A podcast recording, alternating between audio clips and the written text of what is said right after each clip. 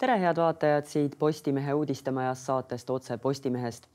tänases saates räägime Tallinnast ehk Eesti pealinnast. nimelt sel laupäeval, kahekümne esimesel jaanuaril antakse pidulikult Tallinnale üle Euroopa rohelise pealinna tiitel. tiitel, mida pealinn on tegelikult juba aastaid üritanud pälvida, kuid seni tulutult ja nüüd on see lõpuks käes mida nimetatud tiitel endaga kaasa toob ning millised muutused ootavad ees pealinlasi ja Tallinna külastajaid. sellest räägime täna Tallinna abilinnapea Vladimir Svetiga. tervist. tere.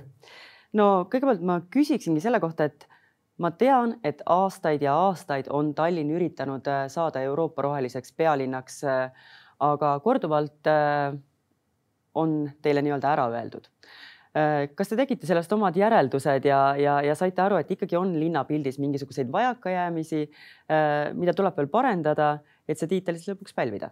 no ma arvan, et oluline ei ole tegelikult tiitel kui selline, ei ole oluline konkreetne hetk, kui meile Euroopa Komisjon annab äh, mingi paberi või mingi asi ja ütleb, et nüüd äh, alates kahekümne esimesest jaanuarist on Euroopa roheline pealinn Tallinn. see on pigem selline tähtsündmus olulisem on mõtteviis, mis sellega kaasneb. Äh, mõtteviis selle kohta, kuidas ähm, muuta meie linna keskkonnasõbralikumaks, kuidas muuta meie harjumusi selliseks, et nad rohkem arvestaks loodusega ja kuidas areneda edasi võimalikult vähe mõjutades meie keskkonda. ja siinjuures ma arvan, tegelikult meie jaoks on väga hea, et see tiitel ei tulnud Tallinnale kohe sest mm, kogu selle taotlemisprotsessi juures me pidime eh, hindama, me pidime tegema tegevuskavasid, hindama neid ümber, vaatama, mida teised linnad teevad meist paremini, õppima, parandama, uuesti tegema kavasid. ja tegelikult mina julgen väita, et meie jaoks kõige suuremad muutused eh, saabuvad alles eh, juba peale seda, kui see rohelise pealinna aasta läbi saab, kuna muutused, millest me räägime ei juhtu ühe päevaga, ühe kuuga ja tegelikult ühe aastaga. aga oluline on see, et tänaseks need otsused, mis nendest muutustest nagu nii-öelda, milles, millest need muutused hakkavad juhtuma, nad on nagu vastu võetud ja täna me võib-olla saame näha selliseid esimesi pääsukesi, ütleme nii. aga me saame ikkagi öelda, et see tiitel on mingis mõttes kvaliteedimärk. see tiitel on tunnustus äh, seni tehtule, tunnustus meie ambitsioonidele, tunnustus meie plaanide realistlikkusele, jah, aga see tiitel iseenesest ähm, ei ole nii oluline kui see mõju, mida need otsused ähm, peaksid tooma kaasa linnaelanikele. No mis on äh, pealinnasi ja linnakülastajaid üldse ees ootamas, ma tean seda, et äh, et tulemas on aastal kaks tuhat kakskümmend kolm seoses Rohelise pealinna programmiga üle kuuekümne ürituse. toome mingisugused olulisemad välja, et ma tean, et juba sel nädala lõpul on paar olulist sündmust ees ootamas.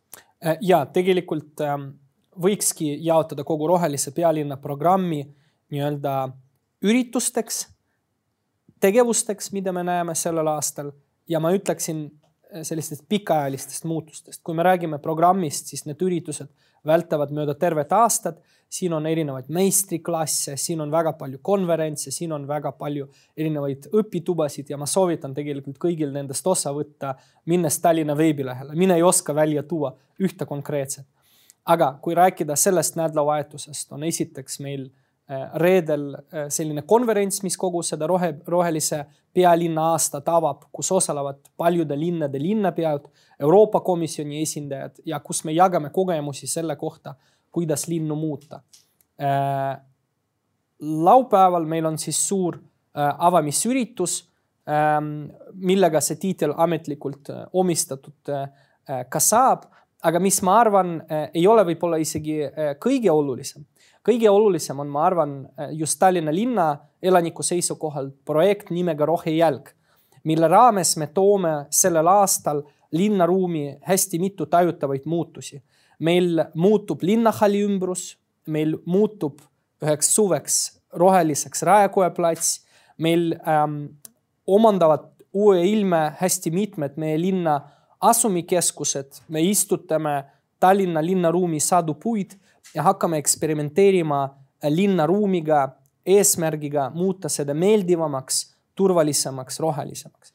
Kui te ütlete, et äh, mõned muutused on sellised üheaastased, et üheks aastaks muutub rohelisemaks näiteks äh, vanalinn, kas äh, on ka selliseid pikemaajalisi muutusi, et tõepoolest, et neid rohealasid on juurde tulemas ja inimesed tõepoolest ka edaspidi tajuvad seda, et, et see tiitel ei olnud eesmärk, vaid see tiitel on algus siis muutustele. kui me räägime suurtest asjadest, siis siin tuleb alustada võib-olla sellistest mastaapsetest rohealadest.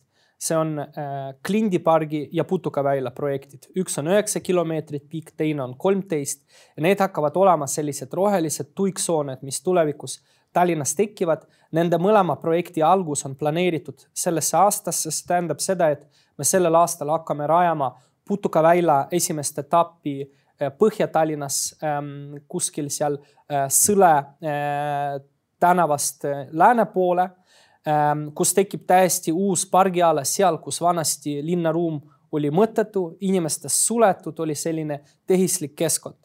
Klindipark on projekt, mille raames me võtame tervet Lasnamäe klinti, mis ühendab omavahel kolme linnaosa, kesklinna, Piritat ja Lasnamäed ja hakkame järk-järgult seda inimestele avama meil on olemas plaan, kuidas terve Tallinn siduda niinimetatud rohesiniste võrgustikega ehk selliste teekondadega, mis kulgevad kas läbi rohealasid või mööda ähm, veekogusid, olgu selleks Ülemiste järv, olgu selleks äh, Harku järv või Tallinna nii-öelda äh, merepiir äh,. ja ma arvan, et need on sellised kõige suuremad ähm, just rohealadesse suunatud investeeringud, rääkimata Tallinna jätkuvast avamisest merele ja Tallinna vanalinna bastionaalvööndist. nüüd teine oluline muutus, mis meid peaks ootama, on seotud just meie ühistranspordiga.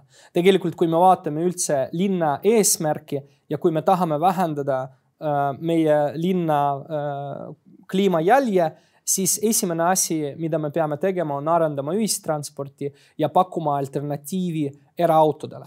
see ei tähenda seda, et tuleviku Tallinnas autodele kohta ei ole. see lihtsalt tähendab seda, et auto, autode osakaal ähm, vähemalt ei peaks kasvama, aga ühistranspordi kasutamise osakaal, jalgratta kasutamise osakaal, jalakäimise osakaal peaks suurenema ja selleks on vaja meil täiesti üle vaadata meie ühistranspordisüsteem ehk millised liinid meil on, kust, kuhu nad sõidavad, kus on ümberistumised ja see töö on alanud. see tähendab meie transpordi elektrifitseerimist ehk me, me, me ei räägi enam isegi gaasist, diislist rääkimata. me räägime sellest, et meil hakkavad olema elektribussid ja hübriidtrollid ja muidugi ka trammid. trammidest rääkides just sellel aastal läheb lahti Vanasadama trammiliini ehitus juba kevadel ja ees ootab veel kuni kolme trammiliini ehitus vastavalt siis Järve keskuseni, Liivalaia tänaval ja kuni Pelgurannani. Äh, seoses ühistranspordisüsteemi ülevaatamisega, sellest tegelikult on räägitud äh, samuti väga pikalt, kui äh, Tallinnas kehtestati tasuta ühistransport, anti ülesanne inimestele, et nad peavad valideerima enda rohelist kaarti ühistransporti sisenedes, siis räägiti, et see valideerimine on just nimelt äh, oluline seetõttu, et saaks vaadata üle selle ühistranspordisüsteemi, milliseid peatuseid kasutatakse, millistel liinidel on rohkem äh, sõiduvahendeid vaja, aga siis jäi kuidagi soiku kuhu maale sellega jõutud on? no valideerimise häda on selles, et ta annab äh, väga piiratud hulga andmeid ja ta võimaldab ainult öelda seda, kus peatuses meil on, kui palju sisenemisi. Neid andmeid on kasutatud tegelikult ka varem selleks, et korrigeerida busside graafikuid aga kui meie eesmärk on äh, tõsta meie ühistranspordisüsteemi kasutatavust, teha nii, et ühistransport oleks kiirem, et ümberistumised oleksid mugavamad, et ta motiveeriks kasutama ühistransporti ka neid, kes praegu seda ei tee. selleks on vaja oluliselt rohkem andmeid ja alates eelmisest aastast meil töötab selline asi nagu Tallinna liiklusmudel, mis on siis selline programm, mis võim, võimaldabki äh, panna nii-öelda Ähm, ühele lehele kogu Tallinna liikluse, kasutades äh, mobiilpositsioneerimise andmeid, kasutades Maksuameti andmeid selle kohta, kust, kuhu inimesed liiguvad tööle ja selle läbi prognoosida, äh, kuidas muutub meil näiteks autode ja ühistranspordiliiklus, kui me kuskile lisame mõnda peatuse, kui me kuskil võtame ära mõnda pöörde, kui me kuskil ehitame tee ümber ja kas vähendame või suurendame sõiduridade arvu. ja just selle konkreetse programmi abil, selle modelleerimise abil me hakkamegi praegu täiesti sisuliselt nullist ähm, nii-öelda disainima seda, kuidas võiks välja näha Tallinna ühistranspordivõrgustik tulevikus. me näeme seda, et väga paljud liinid hetkel pärinevad Nõukogude ajast ja nad ei arvesta nende muutustega, mis on toimunud linnaruumis, nad ei arvestanud nende muutustega, mis on toimunud inimeste harjumuses. see on, ma arvan, kõige suurem töö, mis meid ees, ees ootab.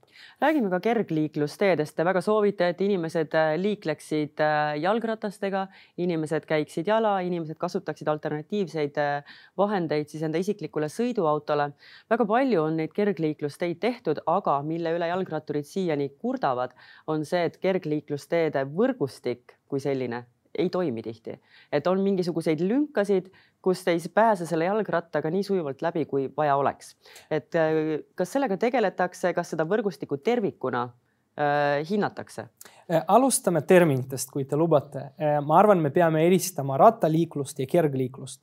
kergliiklus on tavaliselt see, mis on meil seostatav sellise rekreatsiooniga või spordi tegemisega. ja aina rohkem me räägime kergliiklusteedest just sellises rekreatiivses mõttes, näiteks Viljandi maantee kergliiklustee, Järve kergliiklustee. Äh, sellised kohad, kus jalgratturid, jalakäijad on koos, kus tavaliselt ei liiguta punktist A punkti B, vaid lihtsalt veetakse vaba aega. see on väga oluline võrk, me nimetame seda tervisevõrguks ja ka selle arendamist me jätkame, aga see antud juhul ei ole kõige olulisem. kui meie soov on see, et ma ei tea, vähemalt viis protsenti tallinlastest hakkaks sõitma jalgrattaga Ähm, kodust tööle, äh, kodust kooli, töölt poodi ja sealt tagasi koju, siis me peame arendama just jalgrattateede võrgustikku ja see jalgrattateede võrgustik ei saa tulla sinna, kus inimesed lihtsalt veedavad vaba aega. ta peab tulema sinna, kus inimesed ka täna liiguvad ehk põhiliste magistraalide juurde. ja selleks meil on olemas jalgrattastrateegia ja jalgrattastrateegia elluviimise kava mille eh, nii-öelda lihtsustades, mille eesmärk on see, et igal suurel teel, mis meil on, oleks oma ruum autodele, ühistranspordile, jalgratturile ja jalakäijale. ja olgu siin öeldud, et meil ei ole eesmärki, et kõik inimesed sõidavad jalgrattaga. seda ei juhtu, eriti võib-olla mõni ütleks, et praeguse ilmaga. meie eesmärk on see, et nende inimeste osakaal kasvaks ja et ta oleks märgatavalt suurem, kui ta praegu on. ja teiste Euroopa, aga ka Põhjala linnade näide tõestab, et see on täiesti võimalik ja lõppkokkuvõttes sellest jalgrattataristust võidavad samamoodi jalakäijad, kes ei pea muretsema, et nendega koos jalgratturid sõidavad. Autojuhid võidavad sellest, sest lõppkokkuvõttes nende jalgratturite arvelt väheneb ka autode arv ja siis jällegi autojuhid ei pea muretsema selle pärast, et kuskil seal nende vahel need jalgrattad sõidavad Äh, meil on plaan, et esiteks iga ähm, suurema tee rekonstrueerimisega me ehitame neid jalgrattateid juurde, nii nagu meil praegu toimub Jõe-Pronksi tänava ehitamisega, praegu toimub Vana-Kalamaja tänava ehitus.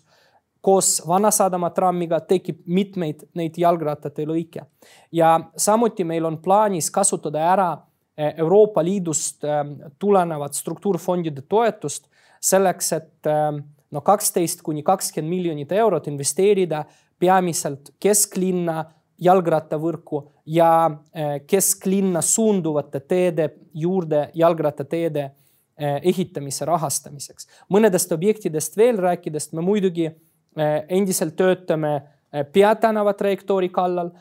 meie jaoks on väga oluline, et jalgrattateed tekiksid ka edasi Pärnu maanteele, Narva maanteele ehk mõlemal pool tulevast ehm, peatänavat. peale seda, kui Jõepronksi tänava rekonstrueerimine on järg Liivalaia tänaval, kuhu samuti tekivad rattateed ja edasi siis ühendus kuni Kristiine keskuseni välja läbi kergliiklustunnelite, mis läbivad seda raudteed. Eh, nii et meil on olemas plaan, see plaan on eh, päris kallis, keegi seda ei varja, aga oluline on see, et kui me ehitame kusagile rattateed, siis me rajame sinna ka haljastust, rajame seal, kus on võimalik paralleelparkimist selleks, et toetada äärisid, mis seal Äh, toimivad. Ja muidugi me panustame sellesse, et ka jalakäijate liiklus oleks seal mugavam, turvalisem, et oleks vähem maa-aluseid tunneleid, et oleks väiksemad, lühemad sõiduteede ületused ja nii edasi. nii et eesmärk ei ole lihtsalt, et meil oleksid rattateed.